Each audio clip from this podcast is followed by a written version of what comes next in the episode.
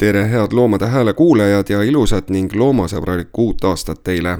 kuulamiseks on valmis saanud järjekordne saade, kus esmalt vaatame tagasi ja võtame kokku selle, millega loomusmullu tegeles. seejärel räägime Liis Poodega ettevõttest Relax Baby Be Cool sellest, miks otsustas tema firma liituda karusnahavaba moeprogrammiga Fur Free Retailer ja siis ajame juttu Ragne Maaseliga, kes on LHV Panga ESG ehk jätkusuutlikkuse valdkonna juht. nimelt on LHV pannud paika looduskeskkonna ja sotsiaalse vastutusega vastuolus olevad tegevusalad. see tähendab, et näiteks karusloomafarmi pidamiseks LHV-st finantstoetust ei saa esmalt aga läheme jutujärjega eelmisesse aastasse ja võtame kokku loomusaasta kaks tuhat kakskümmend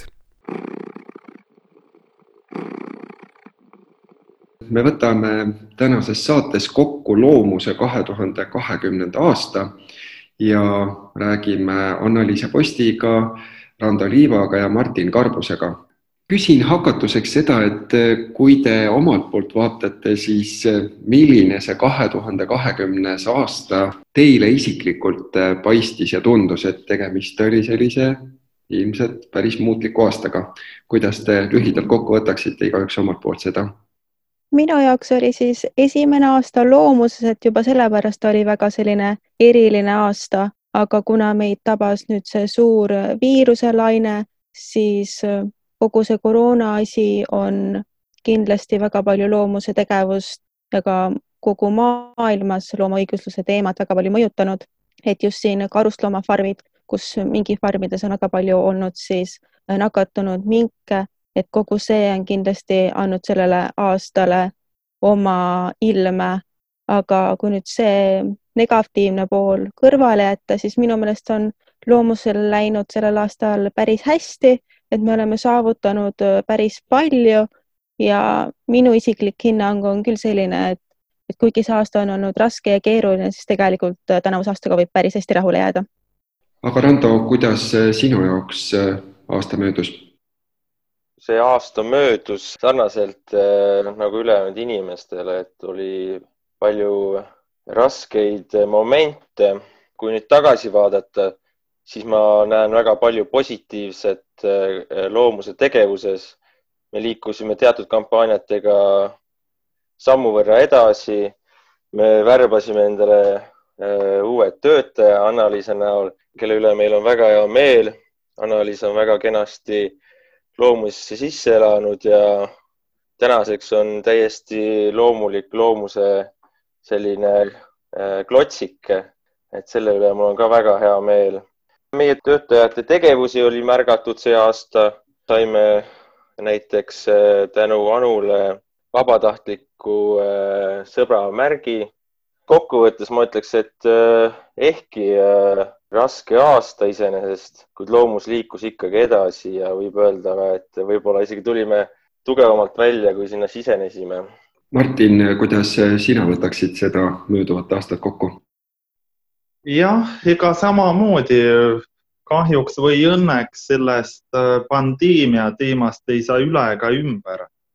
Mõtlesin küll, et äh, võiks olla üks saade võib-olla, kus äh, ei peaks sellest rääkima, aga noh, tegelikult üle ega ümber ei saa, et eks see pandeemia ka meid mõjutas, aga mitte tingimata negatiivselt, et mina ütleksin, et loomus väga hästi kohanes sellega, äh, kiirelt suutsime enda tegemised viia kõik äh, online'i, digitaalseks tegelikult meil olidki head eeldused selleks juba olemas.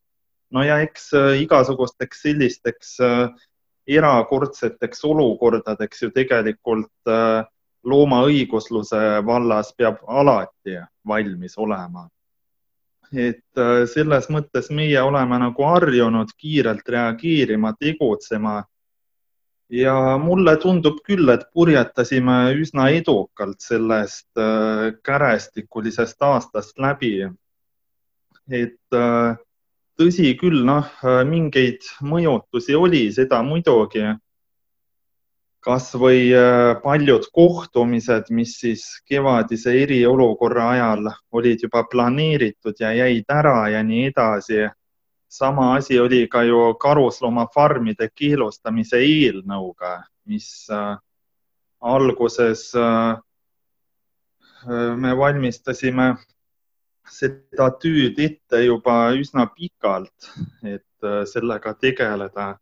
aga kevadisel äh, pandeemia ajal nagu läksid kõik muud teemad nii-öelda laua alla ühiskonna vaatepunktist. Aga üldiselt läks aasta tõesti väga edukalt, ma ütleksin äh,.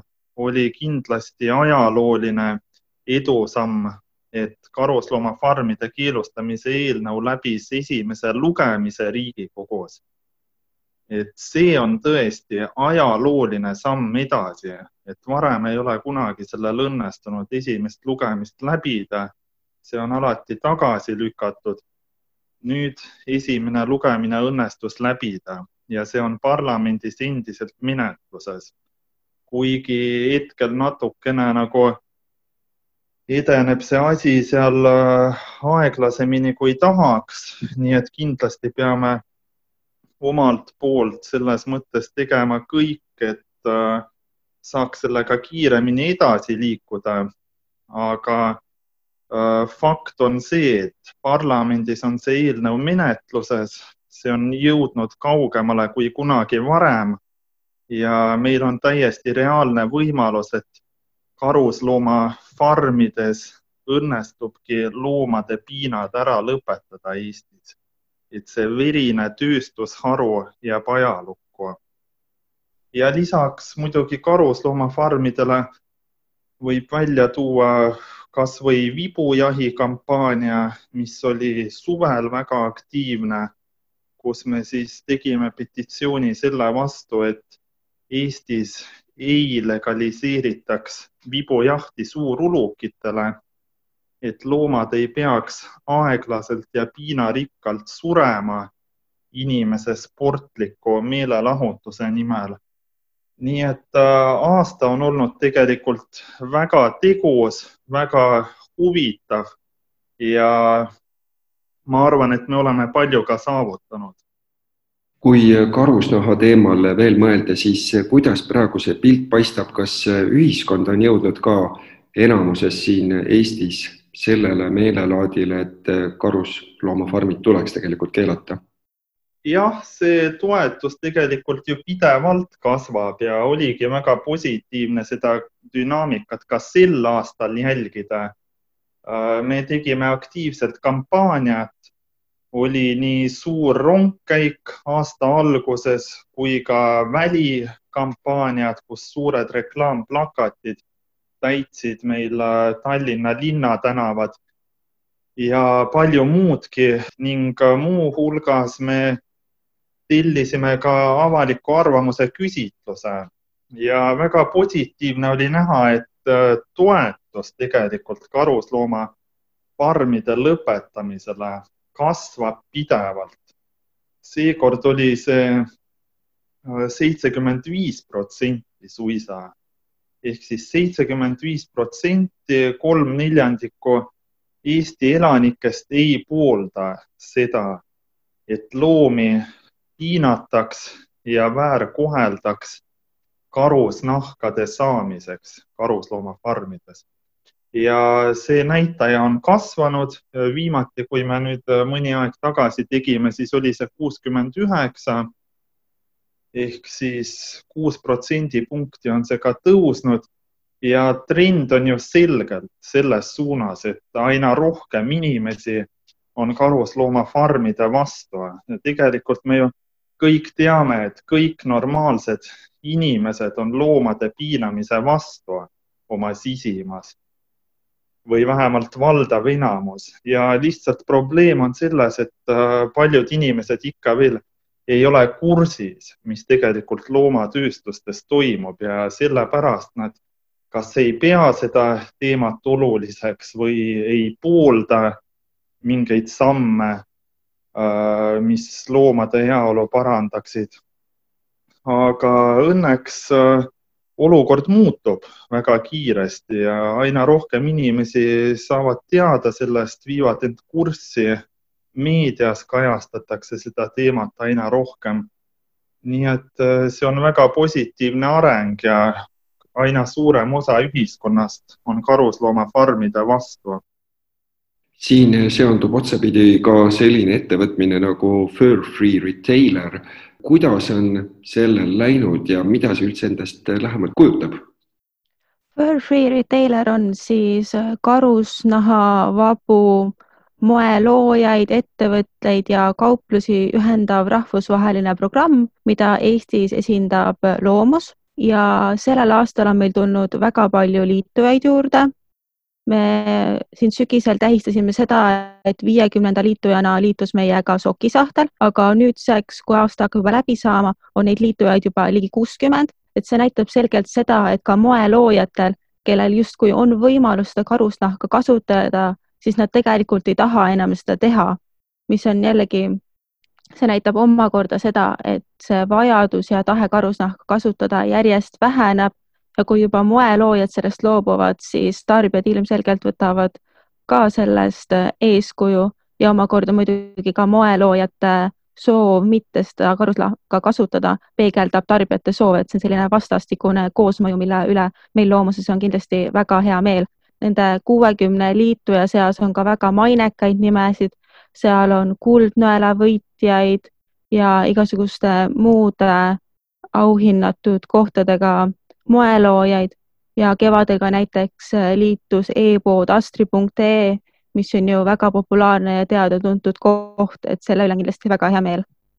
olen täiesti nõus, et äh, kirjutan alla kindlasti kõigele sellele öeldule, et see Fur Free Retailer programm on tõesti väga positiivne näide, et muuta ühiskonda Äh, koostöös ettevõtetega positiivsemaks. Ja see on väga suured saavutused, mis me oleme seal saanud, et juba kuuskümmend firmat Eestis on liitunud sellega, öelnud selgelt välja, et nemad karusnahka ei kasuta. Ja kindlasti loodame, et see arv kasvab veelgi ja kui me teiste kampaaniatega edasi läheme, siis üheksa on taimsed valikud, mida Loomus on ka eest vedanud. kuidas on sellel läinud sel aastal?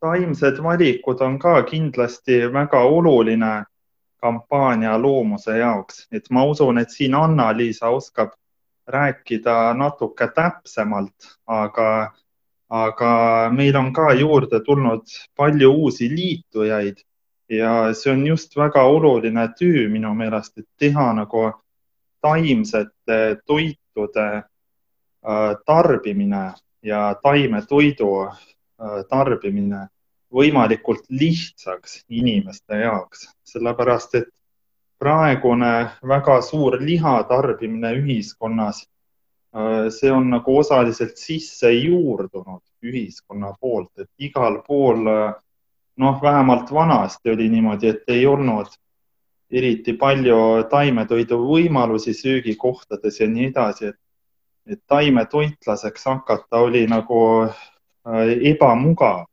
või natuke keeruline, siis äh, nüüd on see nagu hoopis äh, vastupidi, et see muutub aina lihtsamaks ja aina rohkem ja rohkem on neid valikuvõimalusi igal pool. nii et kindlasti see on hästi oluline töö minu meelest. ja nõustun siin Martiniga, et meie vegan programmil taimsed valikud on tõesti sellel aastal väga hästi läinud. me oleme saanud palju uusi liitujaid ja ka meie jälgijate arv sotsiaalmeedias on kõvasti tõusnud, mis näitab ilmselgelt seda, et huvi taimetoidu ja veganluse vastu aina kasvab ja hästi hea meel on selle üle, et need söögikohad, kes on liitunud, et nad pole ainult suurlinnades, vaid ka väljaspool Tallinnat ja Tartut oleme saanud äh, mitmeid äh, uusi liitujaid, näiteks äh, Otepää lähedal Suurmuna. ja mis kindlasti väärib ka märkimist, on see, et juurde on tulnud mitmeid söögikohti, mis pakuvadki ainult vegan toitu ja me väga loodame, et siin nüüd rasketel aegadel nad ikkagi jääksid ellu ja sellepärast kindlasti ka kutsume inimesi üles toetama neid vegan kohti, et nad ikkagi jääksid alles nad saaksid oma tööd jätkata ja seeläbi jälle levitada seda informatsiooni, et äh, vegan toit on maitsev, see on hea ja kindlasti loomasõbralik. ja novembris toimus järjekordne taimetoidumiss, mida samuti Loomus aitab korraldada. Sel aastal küll pisut väiksemas mahus, aga kuidas te seda sündmust hindaksite tagantjärele? taimetoidumess tuli tõesti sellel aastal teistmoodi, kui oli planeeritud, sest et oli ju tegelikult äh, juubelimess, kümnendat korda juba tähistati taimetoidumessi. koroonaviirus tegi omad korrektuurid, aga ma ei ütleks, et selle arvelt oleks mess kuidagi jäänud alla varasematele messidele. Et võib-olla isegi oli parem see, et inimesed olid rohkem hajutatud, oli rohkem ruumi ja tänu sellele võib-olla oli ka rohkem aega seal eksponentide juures aega veeta sai rohkem luua sellist isiklikku sidet ja need inimesed, kes olid kohale tulnud, nemad kindlasti väga nautisid seda, et nad said seal kohapeal olla, et selle üle kindlasti on hästi hea meel, et inimesed ei jätnud tulemata, et see mess täiesti ära ei jäänud. Ja kui vaadata seda, kui suur huvi oli juba eelmüügis piletite vastu, siis see tõesti näitab seda, et eestlastel on väga suur huvi veganluse vastu, et isegi sellises olukorras, kus see toimumine ja kohaletulek on väga keeruline, siis inimesed ikkagi tulevad kohale, nad väga tahavad tulla ja sellest kõigest osa saada. Ja mis on minu meelest hästi armas, on see, et taimetoidumessi külastajate seas ei ole ainult noored inimesed, vaid seal on ka vanemaid inimesi, mis näitab seda, et veganlus ei ole ainult selline noorte inimeste trend, vaid see läheb tõesti kõigile korda ja ka vanematel inimestel on selle vastu huvi. et minul on küll selleaastasest messist ainult positiivsed mälestused minul on samamoodi üksnes positiivsed mälestused. Ma ise olin äh, päris mitu tundi loomuse infolauas ja see tagasiside ja see kogemus, mida külastajad pakkusid, see oli suurepärane, et äh, meid tihti kiideti meie tubli töö eest, meid on märgatud, inimesed näevad, et äh, loomus viib muutusi ellu. suutsime ka loomulikult inimesi harida. Paljudel olid näiteks äh, teatud faktid kasvõi karuslooma kampaania osas esmakordsed, aga noh, sel aastal me peafookus oli kalade heaolu tutvustamisel, meil oli väga vahva kala viktoriin, millest võtsid väga paljud inimesed osa.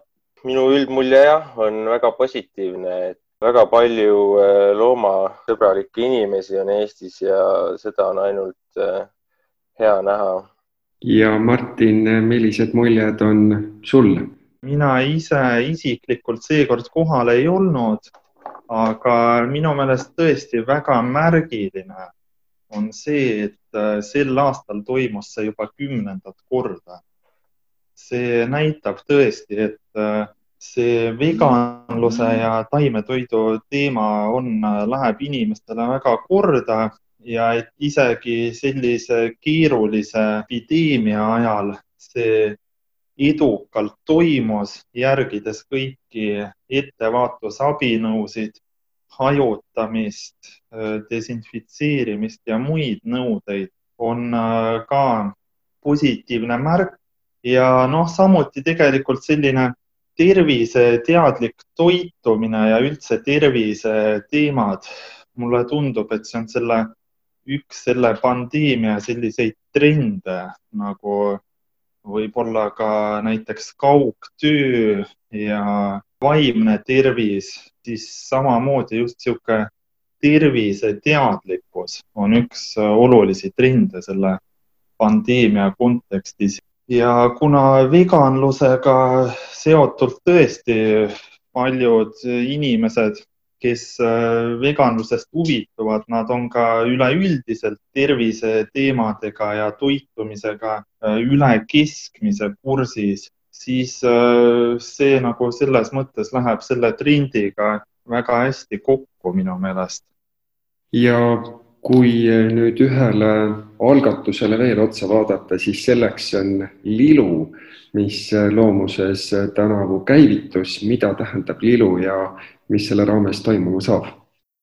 Lilu ehk siis loomasõbralik ilu on meie verivärske uus töörühm, mis sai siis ellu nüüd detsembri alguses, et ta on ainult siin paar nädalat meil olnud ja selle eesmärk ongi siis tähtsustada Eesti ühiskonnas loomasõbralikku ilu ning eestlaste kosmeetikatoodete ja iluteenuste tarbimiskäitumist muuta loomasõbralikumaks.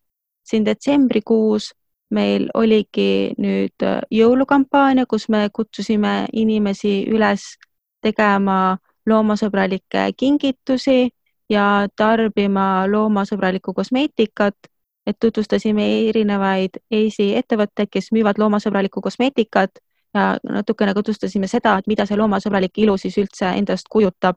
et sellest oli meil siin ka juttu eelmises podcastis, kus me täpsemalt rääkisime loomasõbraliku ilu töörühma eestvedaja Tea Tüüriga ja põhitegevus meil toimubki siis Instagramis kus me tutvustame erinevaid ettevõtteid, erinevaid tooteid, anname nippe, tootesoovitusi.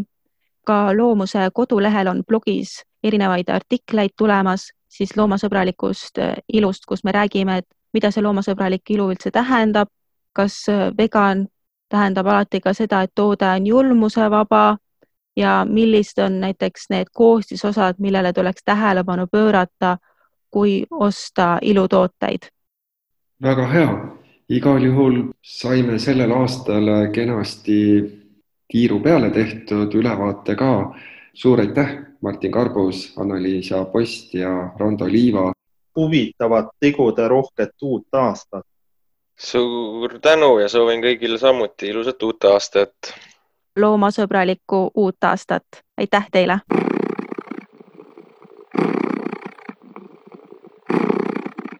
me räägime programmist nagu Fur Free Retailer. Liis Poode, te olete Relax Baby Be Cool loovjuht. palun rääkige pisut oma ettevõttest, mis ta kujutab endast Relax Baby Be Cool, millega te tegelete? alguse sai ta täitsa nagu juhuslikult, ütleme nii, et äh, kuna mul nagu tegelikult äh, ajalooliselt vanemad mõlemad on tegelenud nii-öelda riideäriga ja laste riidelõivatega ja, ja siis ma ise nagu tahtsin sellest kõigest väga eemal hoida ja siis äh, kuna ma nagu reisisin, noh, olen hästi kaua reisinud, vabandan põhimõtteliselt korraks siia vahele veel oma eesti keele pärast, sellepärast et vahest tuleb mul üle küngaste ja kobarate äh,. aga ma teen omast parima. et äh, ühesõnaga äh, siis äh, ma täiesti juhuslikult sattusin ühtede kangaste peale Indoneesias ja nende kangaste nimi oli Patika ja sealt sai see kõik alguse tegelikult, sealt ma sain kõik oma esimesed kangad Need said ostetud sellepärast, et äh, ühesõnaga väga hea müüja oli seal ja müüs maha mulle selle loo, mis, äh, mis siis tuleb koos selle patika kangastega. et äh, kõik see kultuur ja ajalugu ja kõik need jutud ja, ja, ja need müüdid, mis on nagu sinna kanga sisse põimitud, need põhimõtteliselt ka köitsid mind. siis ma jõudsin koju tagasi Eestisse põhimõtteliselt nende kümne esimese kangaga ja ütlesin emale, et davai, et nüüd läheb asjaks ja sealt see alguse saigi põhimõtteliselt, see oligi hästi juhuslik, ema mul on tegelenud tegelikult produktsioonijuhina suures äh, nii-öelda lasterõivaste vabrikus ja sealt see asi nagu alguse saigi, ühesõnaga temal oli nii-öelda vaba aega ja mul oli kangad, ühesõnaga. Ja siis me mõtlesime, et, et me proovime. et me tahtsimegi hoida nagu elus seda kultuuri ja seda ajalugu, mis nagu käib nende kangastega koos. ja siis me tegime oma esimesed särgid ja ega me ausalt öeldes väga ei oodanud, et see asi nagu nii hästi läheb või noh, nii hästi nagu hakkab äh, jõudu koguma. ja siis me esimese kahe aastaga põhimõtteliselt oli meil äh, nagu oma stuudio püsti Eestis ja sealt me hakkasime ka neid riideid müüma. küsin siis jätkuks seda, et mis innustas teid liituma karusnahavaba programmiga Fur Free Retailer? no ausalt öeldes meie lemmikloomad, ütleme nii, selles suhtes meil on alati olnud lemmikloomad ja me ei kujutaks ette, et, et niisuguse asjaga nagu tegeletakse ja, ja me kindlasti ise ei, ei poolda seda ja ei osta seda ja ei toodaks seda kunagi. et äh, ma arvan, et see on lihtsalt nagu julm, ma arvan, et keegi ei peaks seda tegema, loomad on loomad ja, ja meil on nii palju muid võimalusi kasutada igasuguseid variante, tooteid ja seda toormaterjali, et äh, ma arvan, et see peaks olema kõige viimane väljund, mida, mida siis tuua siia, siia nii-öelda sellesse industry. kindlasti nii palju, nii palju rohkem, kui meid sellega liitub, ma arvan, et seda parem, seda suurem on võimalus, et me, et me saame nii-öelda lahti sellest, noh, sellest, sellest kohutavast nii-öelda industry. ma arvan, et seda industry't ei peaks üldse olema ja ma arvan, et on muid võimalusi ja ma arvan, et see peaks olema kõige viimane, noh, ühesõnaga seda ei peaks olema. Tänapäeval tehakse nii head võltsnahka ja võltskarva, et kasutage seda, et selles suhtes ma arvan, et loomad peaksid jääma loomadeks ja nende karva ei peaks kindlasti kasutama nii-öelda oma, noh, oma kasuks põhimõtteliselt. kuidas teile paistab, millises suunas üldse maailm, moemaailm hetkel liigub ja kas karusnahavaba mood on tulevikus võimalik? kindlasti, kindlasti on, ma loodan, et eks see liikumine on, on keeruline või noh, on aeglane, sellepärast et ikkagist neid suuri, suuri moemaailma, suuri, suuri moetegijaid on nii palju ja, ja nendele vastu hakata on või noh, nendega risti vastu ujuda on, on suht keeruline. Ja mingis mõttes sa pead nendega koos ujuma, et üldse selles nii-öelda selles valdkonnas läbi lüüa.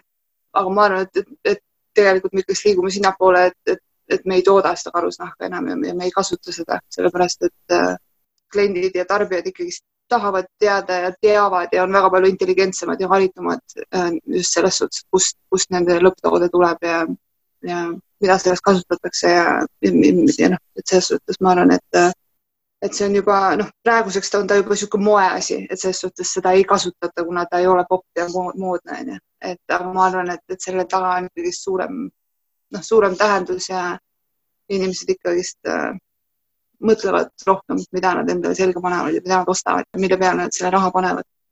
ja kokkuvõttes, kui me vaatame seda kogu sellist loomade õiguse temaatikat, siis millised nähtused teile isiklikult kõige enam muret teevad, mida tuleks parandada?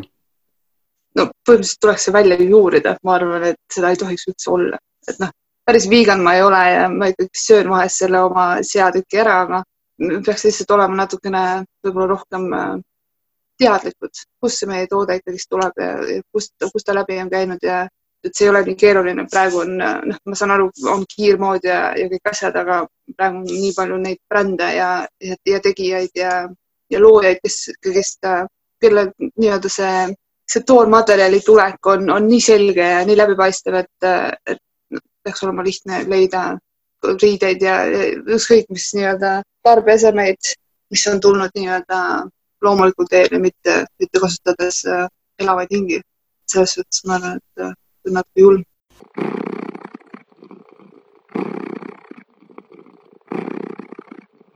hea Loomade Hääle kuulaja, nüüd on ka sinu võimalus omapoolselt loomust toetada. mine kodulehele loomus.ee kaldkriips toeta ja vaata lähemalt, kuidas saad meile toeks olla. aitäh sulle ette!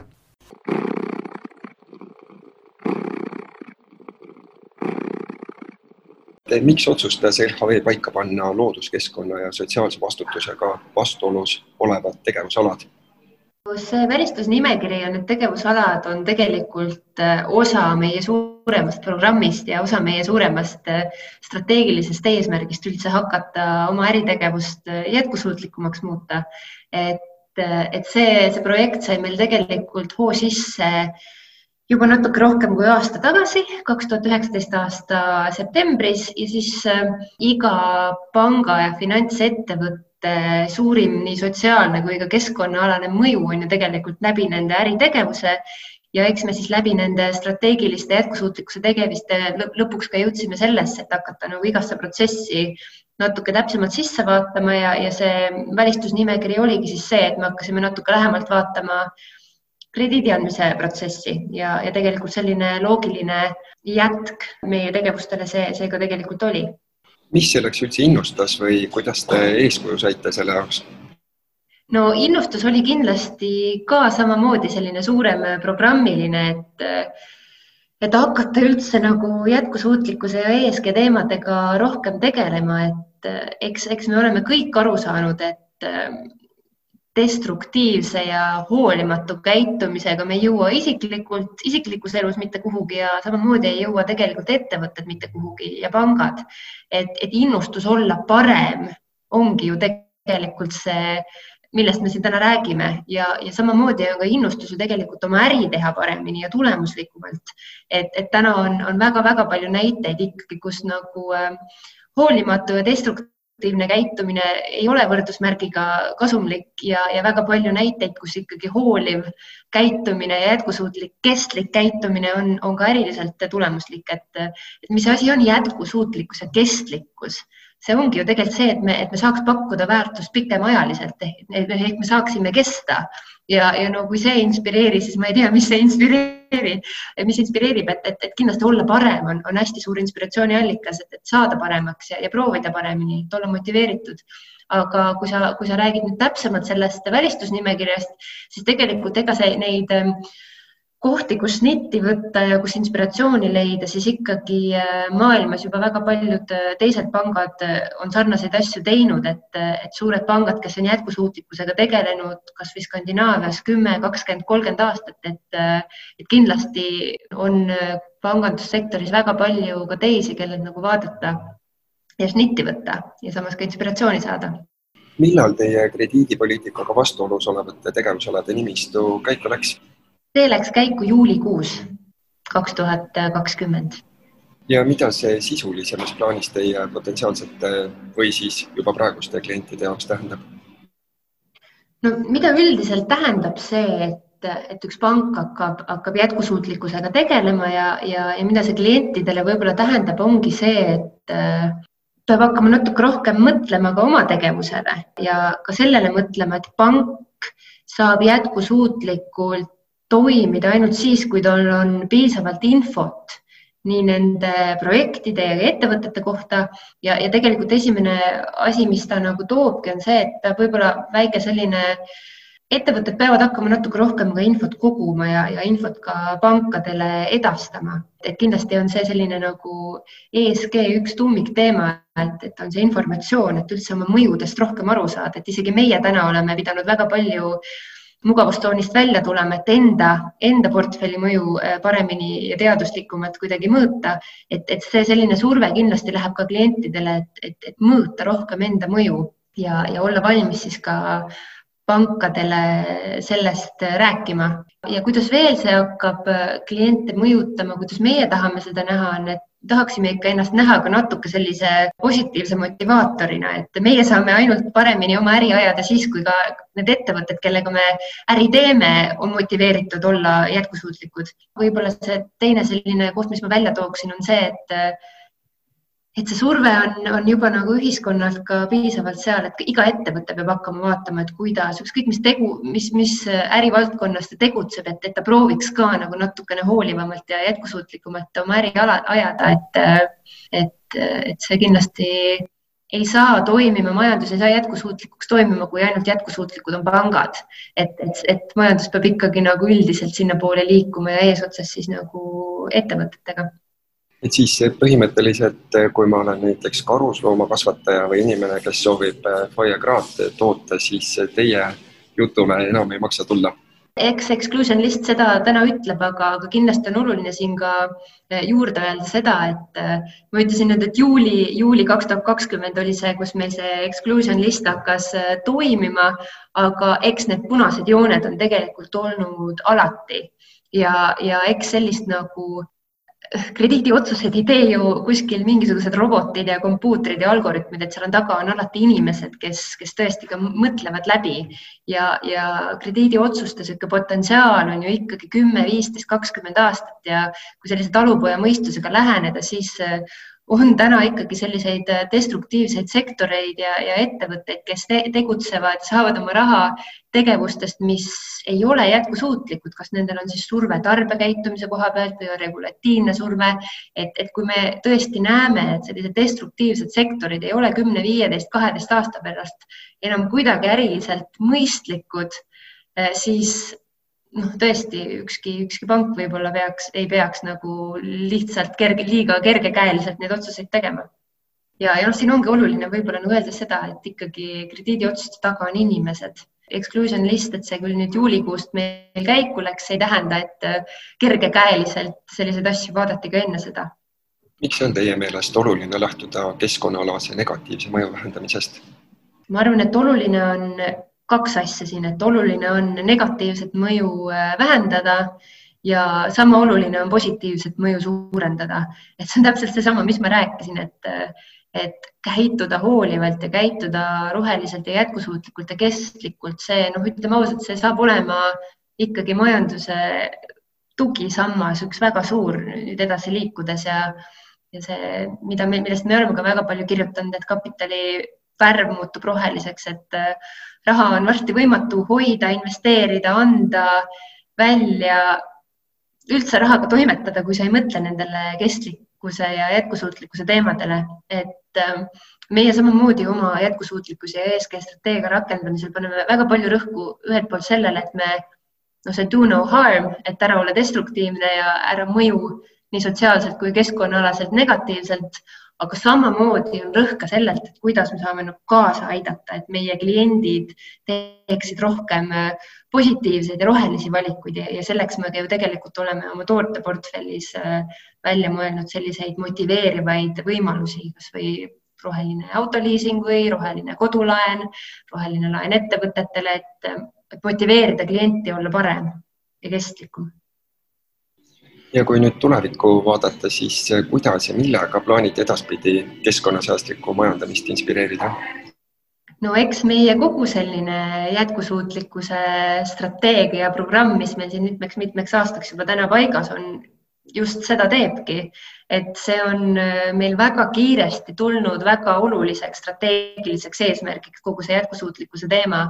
et äh, ega see mitte kuhugi ei kao, see tuleb peale äh, see tuleb tõesti peale uksest ja aknast ja neid tegevusi on, on meil tõesti päris palju, need on äh, protsessidega seotud, majasisesed, need on klientidega seotud, need on ühiskonnas kaasarääkimisega seotud, et see jätkusuutlikkuse programm ja strateegia on meil tõesti väga laialdane ja väga holistiline ja, ja haarab tõesti nagu väga-väga palju osapooli tervest Eestist ja, ja majandusest üldiselt. suur aitäh selle intervjuu eest